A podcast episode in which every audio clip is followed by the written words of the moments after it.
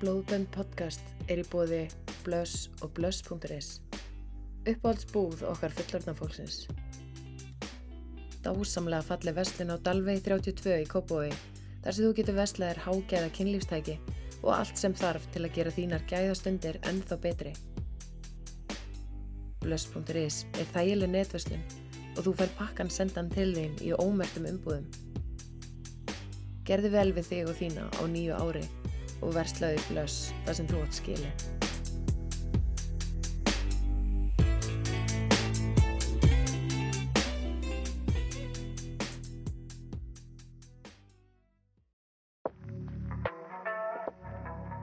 Sælir, kæru hlustundur. Helena sæfa sérna með ykkur og þeir eru að hlusta blóðbönd. Ég vona að þið séu búin að býða spennt eftir framhaldinu úr síðasta þætti. En ef þið hafi ekki hlustað á fyrir hlutan, þá mæl ég eindreið með að hlusta á hann fyrst svo að þið náið sögutræðunum. Ég vil undistrykka það alveg sérstaklega að þátturinn er ekki við hæfi viðkvæmra og hvað þá batna. Þessi þáttur er alveg ofbúslega brútal og ég átti sjálf alveg erfitt á tímabili með að skrifa hann. En skrimslinn sem gerur svona hluti eru að núti og þeir sem vilja hlusta á hvað fólk getur verið ómannlegt að núti, þá er þessi þáttu fyrir þig. Góður hlustundur, Norris og Bittager, The Toolbox Killers, setni hluti.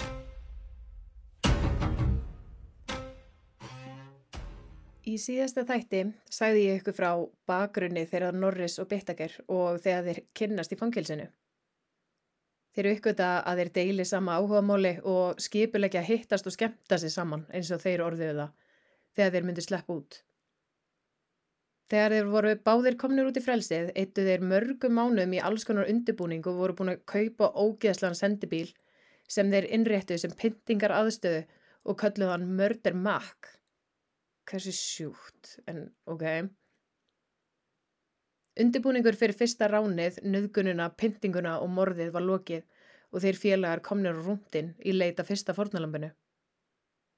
Ég mun segja ykkur frá fimm ungum stelpum sem voru á raungum stað á raungum tíma en ógeðin framkvæma þetta á fimm mánaða millibili árið 1979. Ég er búinn að var ykkur við. Lucinda Lynn Schaeffer var 16 ára ljósær stelpa sem var á leið heim frá kirkju fótgangandi þann 24. júni. Sjáðu þessa, litli sæti ljósku, sagði Bitteker og bent á hana. Norris á sammála og kingaði kolli. Þeir ákveða að keira fram úr henni og leggja bílinum og gera sér klára að nappen í bílinn þegar hún gengi framhjá. Þeir gerðu það og Norris ákvaða að vera sá sem myndi draga hann inn í bílinn og Bittaker satt tilbúin við stýrið. Norris stóð við hlýðarhörðin á bílnum með annan fótinn liggjandi utan í bílinn með síkarött í munnunum. Lucinda kemur gangandi og Norris þykist vera að vola hissa sjá hana. Hann kallar vinalega til hennar. Heyrðu, fyrirgjöðu, ekki getur aðeins aðstofa mig? Lucinda stoppar og lítur á hann. Með hvað? Ég ætla að aðtöða hvort þú getur nokkuð gert með svona greiða. Ég er ekki hérðan og ég vildi bara kanna hvort þú getur vísa mér aðeins til vegar. Ég er búin að býða endalaust eftir að eitthvað gangi framhjá, segir hann sannferðandi. Lucinda byr, byrjar að ganga nær Norris og já, já, hún var alveg tilbúin til þess. Norris byrjar að benda í allar áttir, skima eftir hvort ykkur annar sé nálægt og byllar upp ykkur á sögu. Þegar Lucinda átti síst vonaði, hendir hann sér yfir hana og næra draga hann inn í bílinn og skellti svo eftir sér hurðinni. Bittaker kerði á stað og setti útvarpi í botn svo að öskrin í henni heyrðist ekki. Norris teipaði hendur hennar fastar fyrir aftan bak og batt fætutur á henni líka saman. Lucinda var eðlilega döðrætt og grét á meðan hann batt hana fasta en síðan var eins og hún náði stjórn á hræðslunni og hætti að gráta. Norris segi sjálfur setna að hann hafi orðið frekar svektum með það hvernig hún náði stjórn á hræðslunni því hann elskaði að horfa framann í svona litla sæta stelpur yfir sér hrættar við hann. Þegar þeir voru komnir á lokaða veginn stökk Bittaker út úr bílnum.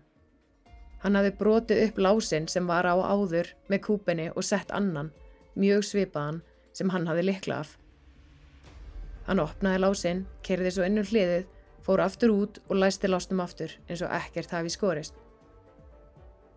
Þegar þeir voru komni djúft inn í fjalladalinn, lagði Bittakar bílnum. Hann vildi gefa Norris tíma í innrúmi til að nauðga stelpunni og sagðist ætla að fara bara í göngutúra með hann. Þegar hann kom tilbaka var Norris búinn að ljúka sér af og ákvað þá sjálfur að gefa Bittakar tíma í innrúmi til að nauðga henni líka. Þeir skiptust á að nauðga henni marg sinnis og þegar Norris var að þvinga sér á hana aftur, spurði hún hvort þeir ætlaði að drepa hana. Norris svaraði því neytandi og hún sagðist vilja að fá að byggja bænir ef þeir ætluðu sér það. Hún bæði ekki um neitt annað. Norris og Bittakar voru ekki búin að ákveða hvernig þeir myndi drepa hana eða hvori þeirra myndi gera það. Þegar þeir hefðu fengið nóg, byrjaði Norris að kirkjana með berum höndum. En áður en honum tókst að drepa hana, gerðist eitthvað og hann slefti takinu og hljóp út úr bílnum og ældi. Hann sagði setna meira eitthvað við þessa stelpu sem fekk hann til að þurfa að kasta upp. Bittekar byrjaði þá að kirkjana með höndunum en eftir smástund sleft hann og náði járn herðatré. Hann bygglaði það og setti það utanum hálsin á henni og byrjaði að snúa upp á það með töng. Þið viti hvernig herðatré ég er að tala um, svona, svona járn herðatré sem er ógeðslega auðvelt að snúa upp á og byggla og þú veist. Þessi síðustu andatök hafa eflust verið ólýsanlega hryllilega fyrir lúsindu þegar Bittakar var búin að snúa herðatrénu svo fast að hún gatt með engum móti náð andanum lengur.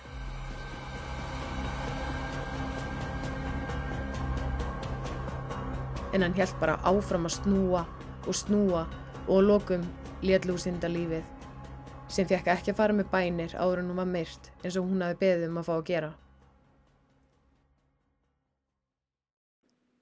Þeir rúluðu svo nöktu líkinu inn í styrtu hengi úr plasti og köstuðu henni niður klettagljúfur. Sáttir með hvern annan, heldu þeir á leið heim og gátt ekki hægt að ræða hversu mikið snild þetta hafi verið. Það væri ekki sjans að líki myndi finnast, ef svo ólíklega vildi til að einhver myndi rekast á það. Viltu dýrin í dalnum, myndi sjá til þess að ekkert er þið eftir afinni. Tveimur vikum setna, eða þann 8. júli 1979, voru Bittakar og Norris að runda um í leita næsta fórnalambi.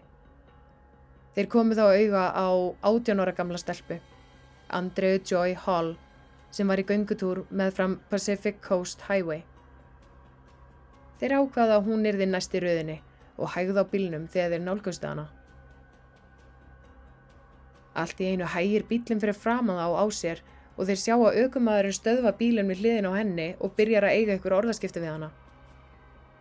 Andrea brosir, kinkar kolli og lokum sest hún í framsætið og bílinn ykkur stað.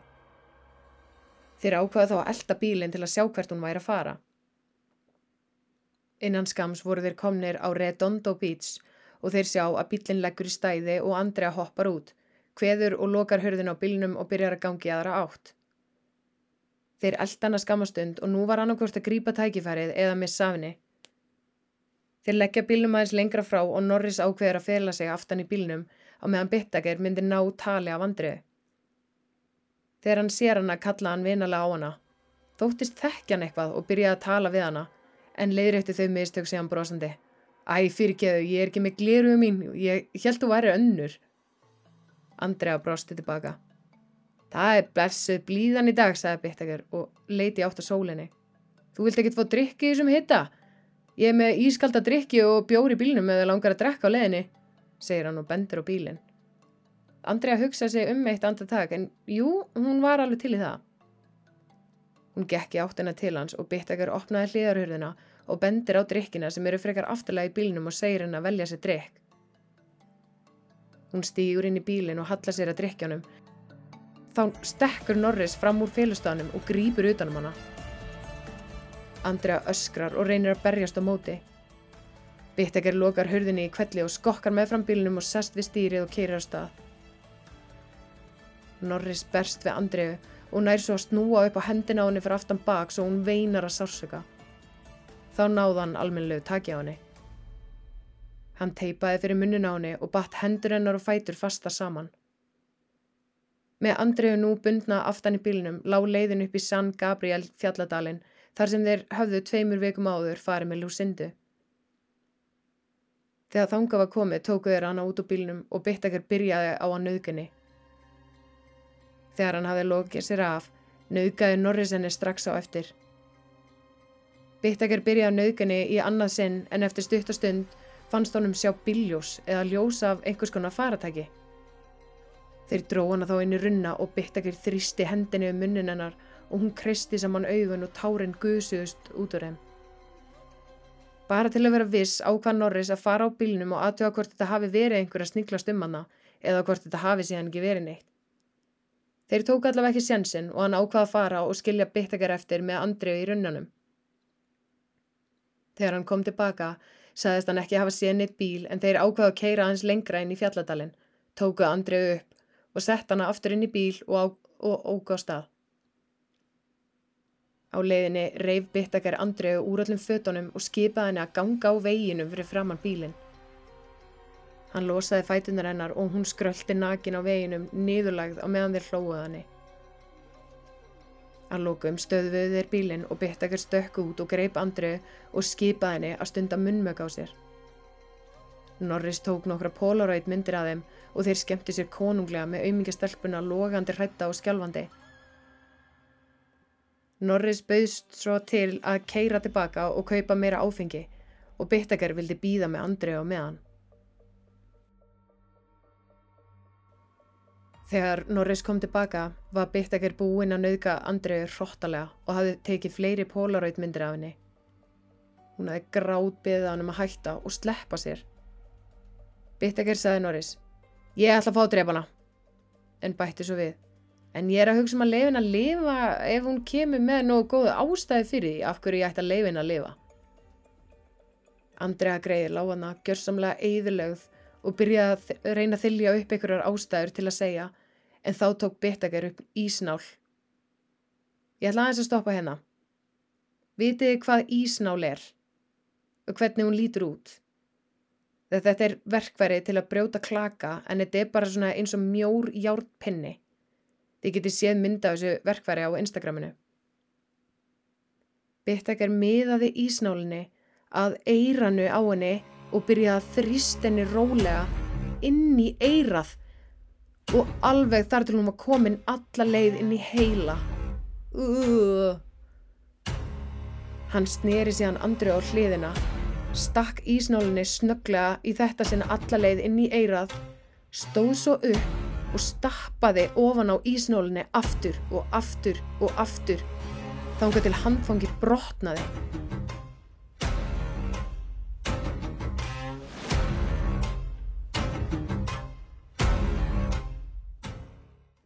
Pæliði í þessu, oh, þetta er mögulega það ógeðslegsta sem ég hef heyrt. Þeir köstuðu svo líkinu fram að kletti og ógast að heim. 3. september voru félagarnir búinir að taka smá pásu. Greinlega gáttu þeir lifað í nokkra vikur á minningunni um hvernig þeir mistyrmdu Andriðu og Myrtana. Þeir voru að rúnta um á Hermosa Beach og komu þá auða á tvær stelpur sem héttu Jackie Doris Gilliam, 15 ára, og Jacqueline Lea, 13 ára, þar sem þær sátu á bekk inn í strætóskíli og voru að spjalla saman. Þær hafðu verið að ganga með fram Pacific Coast Highway og fylgdist þeir með þeim í smá stund og kerðu svo rólega að þeim þar og gáðu sér á talveðar. Norri spyr stelpunar hvort þeir ætti ekki bara að gefa þeim farþanga sem þeir væri að fara og stelpunar horfðu á okkur aðra og jújú, þær þáðu það og stegu inn í bílinn. Norris bauð stelpunum drikk og Jónu og þær skriktu og fengu sér drikk og reyktu Jónuna. Allt í einu taka stelpunar eftir því að Bittager hafi keirt fram hjá gatnamótunum sem átt að beigja, þar sem átt að beigja til að fara rétt að leið þanga sem þær voru að fara. Hei, þú áttur að beigja til hægri aðna á gatnamótunum, sagði Jackie. Nú hvaða, hvaða? Var að þarna sem ég átt að beigja, sagði Bittager í hæðnist tóni og saman hlóðu þeir aðeim. Stelpunar horfðu á okkur aðra og vissi ekki alveg hvað þeir ætti að gera. Þær voru allavega ekki að fara rétt að leið heim. Lokaðar inn í þessum sendibíl með tveimur ókunnugum mönnum. Jacqueline stekkur allt í einu stað og reyndi að opna rennihörðuna en þá sló Norrisana í höfuðið með þingdalóð og við það fjall hún niður og rótaðist. Þá trilltist Jackie úr hæðslu og byrjaði að öskra Þá tók Norris í hana og byrjaði að binda hana fasta á höndum og fótum. Rétt áður en Norris náði að ljúka við að binda Jackie komst Jacqueline til meðutundar og hendi sér aftur á hliðarhurina og reyndi að opna hana. Vittakar stöðvaði bara bílinn, lagði út í kanti og fóru aftur í til að hjálpa Norris að yfirbuga þær báðar svo að þeir getu haldið ferðin áfram. Leiðin lág svo aftur í fjallagarinn þar sem hlakkaði í þeim félögum að hafa núna tvær stelpur í takinu. Í þetta sinn pyntuðu þeir stelpunar í tvo heila sólaringa. Þeir börðu þær báðar til skiptis, nöðguðu þeim, tóku myndir af þeim í alls konar stellingum, hlóu og skemmti sér alveg konunglega.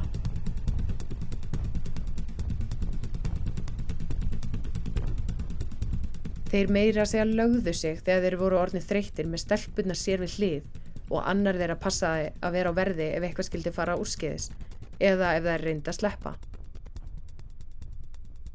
Bittegar fór með Jacqueline í göngutúr upp eina hæðina þar sem hann neitt hana til að pósa á klámfengin hátt fyrir sig og tók myndir af henni til að eiga í sjúka Polaroid sapnið þeirra.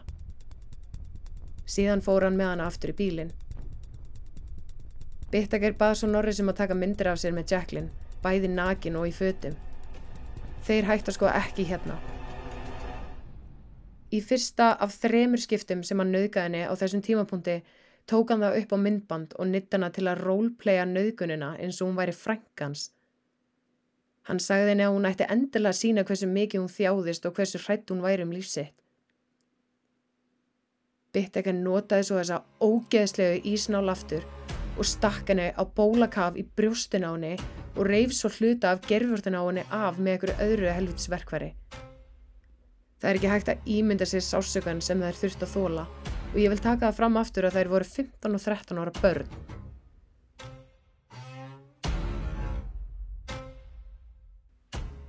Þegar þeir voru orðnið þreyttir á þessu og stelpunar náttúrulega bugaðar á sásöka og við það að gefast bara upp og deyja, stakk Norris upp á að drepa þær bara núna snögglega.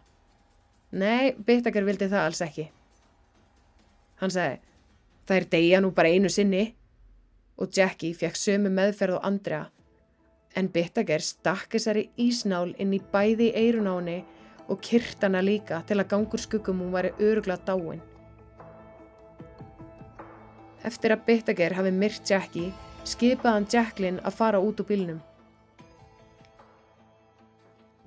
Á meðan hún var að skröld út úr bílnum, auðvitað svo logandi hrættum hvað væri að fara að gerast fyrir hana, kom Norris aftan að henni og barðana í höfuðið af öllu afli með sleggju.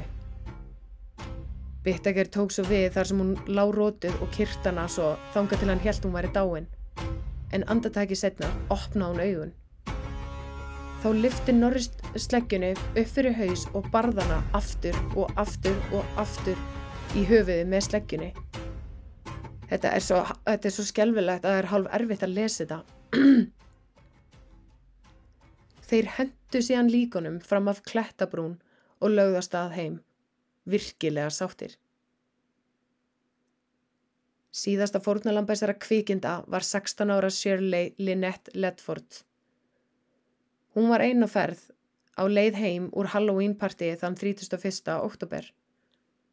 Hún ákvaða að húka sér far þar sem var frekar langt að lappa heim alla leið. Hún setti þauðmálpjötunum byrj loft. Bittager og Norris stöðu við bílinn fyrir henni, spendir fyrir næstu fantasíu. Þeir þurfti ekki hafa neitt fyrir því að ná næsta fórnalambi inn í bílinn einu sinni. Þegar Shirley sá hver var við stýrið kannast hún við hann og heilsaði. En Bittager var reglulegur kunni á veitingastanum sem Shirley vann á. Hún skellti sér þess vegna örug að hún hjælt inn í bílinn þegar þeir buðinni far heim. Þegar bílinn okkar stað buðu þeir inn í Jónu en hún afþakkaði það. Bittager kerði inn á afskjækta götu þar sem Norris tók þá upp nýf og ótaði honum að sérlei. Henni brá og hún var döðrætt og Norris batt hendur henn á fætur saman með teipi.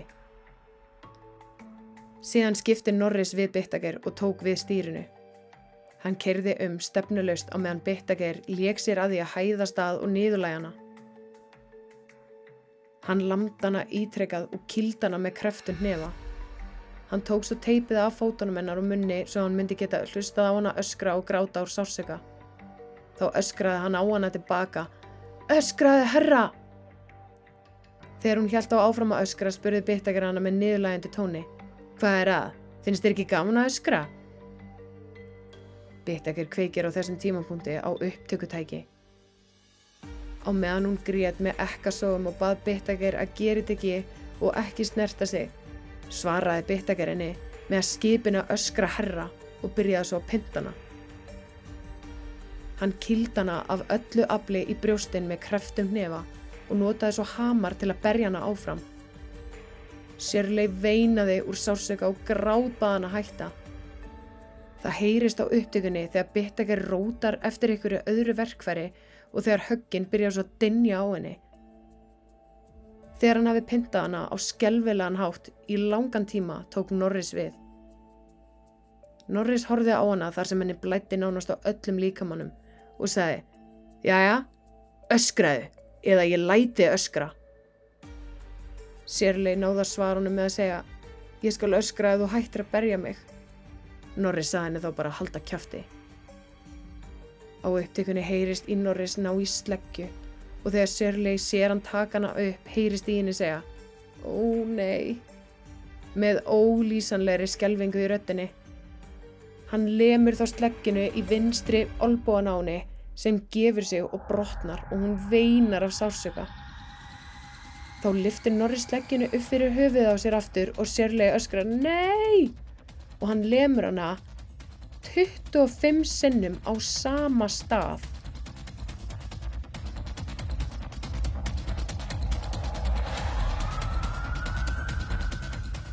Í þeim ólýsanlega sársöka sem Sérleif var að gangi gegnum spyrir Norris hana Hvað ert að væla eila?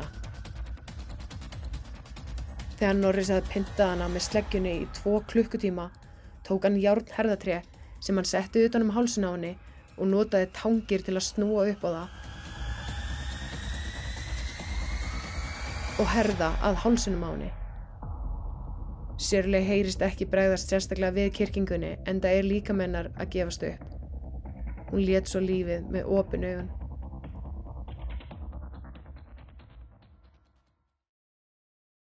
Bittager vildi aðtöga hvernig fréttir og bladamenn myndu bregðast við ef hann hendi líkinu af henni á handahófskendan grasflöt fyrir hvert sem er að sjá, sem hann svo gerði.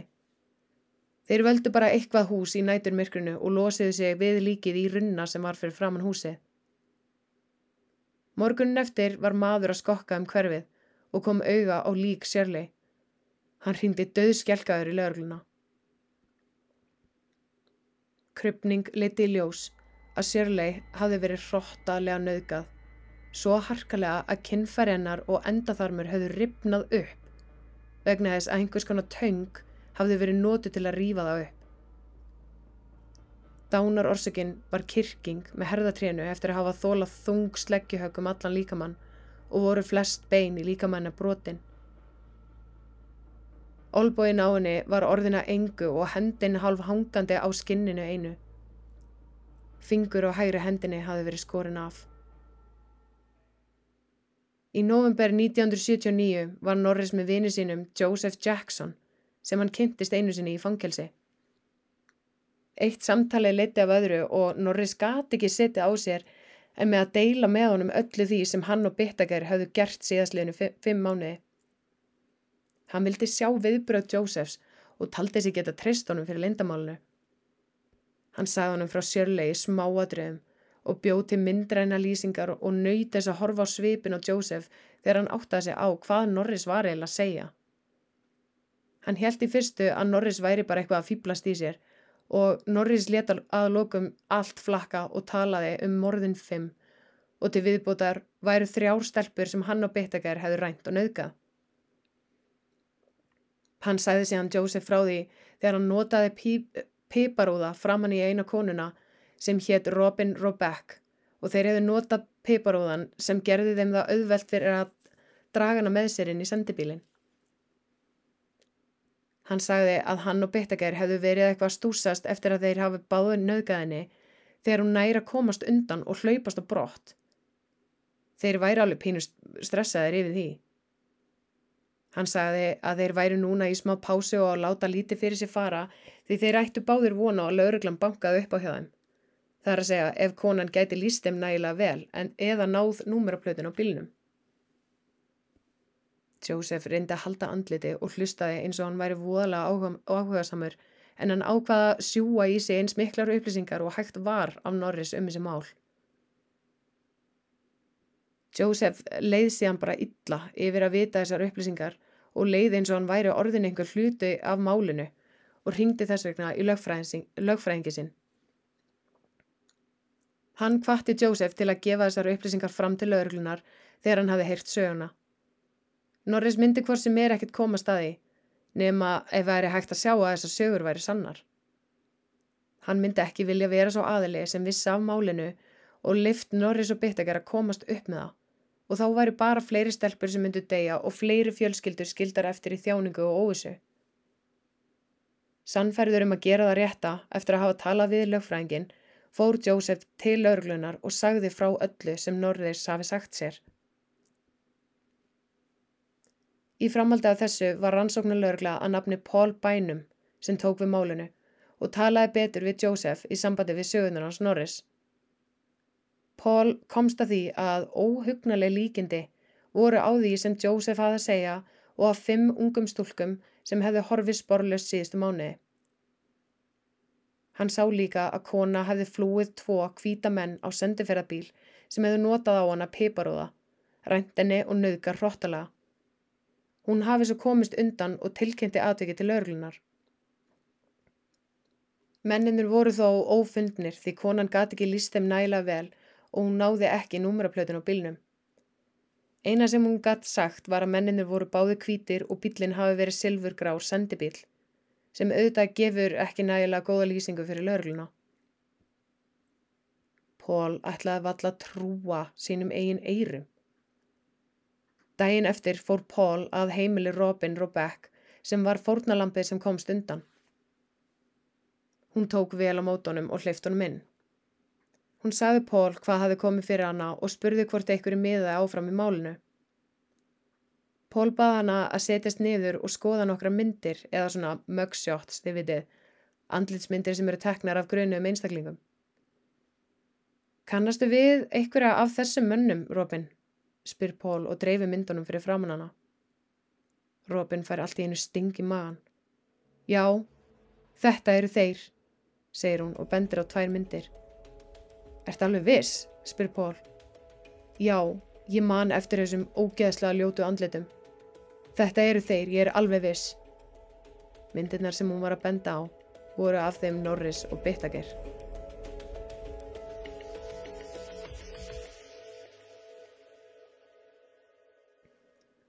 Pól bænum sagði Robin að hafa engar áðugjur af því sem eftir væri.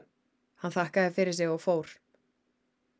Hann kallaði deildina sína á fund strax, setti myndirnar af Norris og Bittaker upp á töflu og tilkynnti að fórnalampi sem hefði lifað af og komist undan hafi bent á þessa menn og það væru engar líkur á að hún væri að fara mannavilt. Laureglan leitaði að Norris og fann hann stuttu setna. Þeir fyldust með honum og sáu að hann var augljóslega að selja ungu fólki marihuana. Þeir letu svo til skara skriða og handtókan 20. november 1979.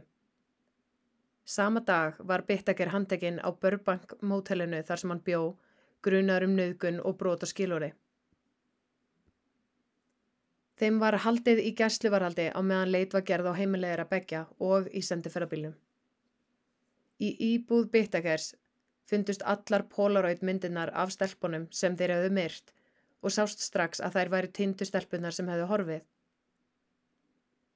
Í bílnum fann svo sleggjan, fullur plastpoki af blílóðum, bókum hvernig á að finna útvarstíðinni lauröglunar, krukka af vaselíni, tvö hálsmenn sem síðar voru staðfest að voru í eigu tveggja tindra stelpnana, sjö flöskur af síru eða svona acid sem augljóslega átt að nota á næstu fórnulem og svo fannst upptakan. Þessi helvítis upptaka sem hafaði að geima öskrin í sérlei á meðan Norris og Bittaker miðstyrmdu, nöðguðu og lókum myrtana. Þessi upptaka er vist svo skjálfileg að sagt er að hálf ómögulegt sé að hlusta á hana frá byrjun til enda án þess að gefast upp eða brotna niður. Hún inniheldur svo hræðileg hljóð og öskur sem enginn getur gert sér upp eða leikið eftir. Sérlega gekk svo sannlega í gegnum ólýsanlega mörtröð áður en hún let lífið sem enginn getur nokkuð tíman skilið. Í íbúð Norris fannst líka armband sem hafi verið tekið af hendinni á Sörli, líklega sem einhvers konar minnjagrip. Fleiri polaroidmyndir fundist líka og í heldina voru þær um 500 talsins. Þær voru allar af ungum stúlkum sem hefðu verið tilkynnt að týndar og voru ófundnar. Allar höfðu þær horfið frá Redondo Beach og Hermosa Beach Hægt var að sjá greinilega að myndirnar voru ekki teknar með samþykki stúlknana eða með þeirra vitundi yfir höfuð. Þeir bentu bara aðalega ágóðnannan eftir að uppkamst um þá og þóttust ekki hafa vitað af hinn og þessu. Sögða stelpunar hefði að vilja taka þessa myndir og bylluð bara upp ykkur afsakanir og voru aldrei með sömu sögu svo ljóst var að þeir væru segir um að bera ábyrð á öllu þessu ódæði. Í réttasalunum var upptakan spiluð fyrir hundrað viðstata og brotnuður lang flestir við hlustununa. Annarkvört gretuðir með andletið falið í báðum höndum, hristu höfuðið, heldu fyrir eirun eða yfirgáðu dómsalinn. Þeir sem hlustuðu á þessu upptöku þurftu að æla og margir urðu aldrei samir eftir þetta, svo hryllilega er þessi upptakavist. Einu maðurinn sem satt brosandi í dómsalunum og síndi engin önnur viðbröð var Bittager, eflaust með stampinu ef eitthvað var. Það er bara ekki hægt að koma í orð hversu viðbjóðslegur þessi maður var. En við höfum öll heyrt konur öskra, til dæmis í bíómyndum eða þegar konum bræður eða eitthvað þannig, en öskrin í sérlei voru einhvern veginn það sársökafull að enginn hafi heyrt annað eins. En það sem toppar þetta allt er að mamma sérlei þurfti að hlusta á upptökuna til að bera kennsla á rödd dóttu sinnar. Ég, verandi mamma, mun aldrei geta ímynda mér sársökan sem hefur fyllt því að hlusta á þessa helvitis upptöku. Öh, ég fæ bara illt í hjartað. Bittager gerði grín af upptökunni þegar hún var spiluð í réttasalnum og sagði að svona hljómaði trekanturinn þeirra sem þau voruð í og svo hlóan. Hann sagði að Sérlei hafi á endanum gráð beðið á um að drepa sig sem er náttúrulega bara algjört vittlisa. Hann gerði bara endalust grína þessu sem gerir hann ennþá meira skrýmsli fyrir vikið. En ég ætla ekki að fara henni djúft í réttarhöldin en Norris í átaði á þessi sög fyrir rest og samþygt að fara með lauruglunni inn í San Gabriel fjalladalinn til að vísa þeim á lík stúlnana og í staðin fengi hann aðeins vægara dóm en byttaker. Lík Andreu og Lúsindu fundust aldrei, þrátt fyrir mikla leit.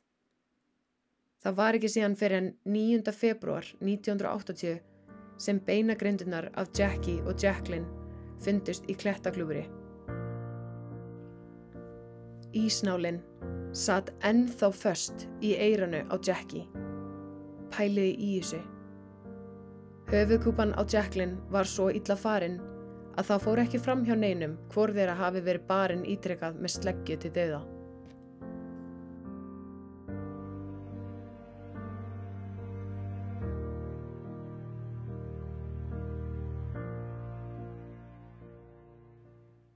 Í februar 1980 voru þeir báðir dæmdir segir fyrir morðin á stelpunum 5. Norris hafi samþygt að bera vittni gegn Bittager með því skilirði að fá aðeins vægari dóm og hann fekk að sleppa við dauðarhefsingu. 7. mæ 1980 var Norris dæmdur í 45 ára fangelsi og skoðað erði árið 2010 hvort hann væri treystandi til að fara á ströngu skilorði aftur út í frelsið. Fyrir það eitt að hjálpa við rannsóknuna á málinu og vittna gegn Bittager. 24. apríl 1980 var Bittager dæmdur segur um 29 ákærliði sem innifól mannrán, nöðganir, mistyrmingar og morð, vörslu skotvapna og vonda meðferð á líkum. Hann var einni dæmdur fyrir að reyna að fá fanga sem átt að sleppa út fljótlega úr fangelsinu til að drepa Robin Robeck fórnalabbi sem slapp og sem bent á þá. En það misefnaðist svo sannlega hjá honum. Að lokum var Bittaker dæmdur segur af kviðdómi og var dæmdur til dauða. Ef svo skildi gerast að dauðarefsingar eru felda niður á tímanum sem hann satt inni var ákveðið að dæma Bittaker með svona vararefsingu sem var 199 ára fangelsi. Hann sem sagt fengi aldrei snefil að frelsi aftur ef dauðarefsingum eru þau formulega hægt í ríkinu. Pól Bænum muni rannsóknarlaurglann sem tók málið að sér Hann framdi sjálfsmorð í desember árið 1987, þá 39 ára gamal, og skildi eftir sig tíu blaðsina sjálfsmorðsbref. Í brefinu tók hann sérstaklega fram að morðin sem Bittaker og Norris fremdu voru ásækjan á hverjum degi svo alvarlega að hann gati ekki lifa lengur með þessu. Hann ótaðist bara svo mikið að þeim erði sleft úr fangelsi að hræðslan var honum ofviða. Pæliði í þessu, sjö árum setna er hann ennþá að þjást og engjast um af hugsunum um þetta mál og sér bara enga aðra leið en að taka eigi líf.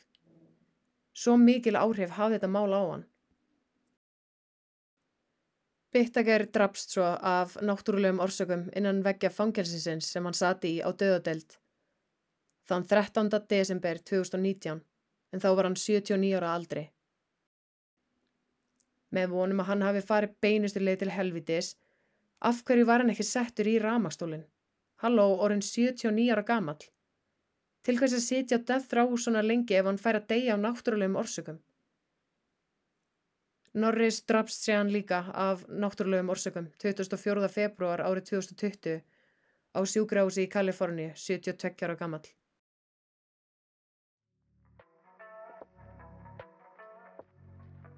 Jæja lömpin mín.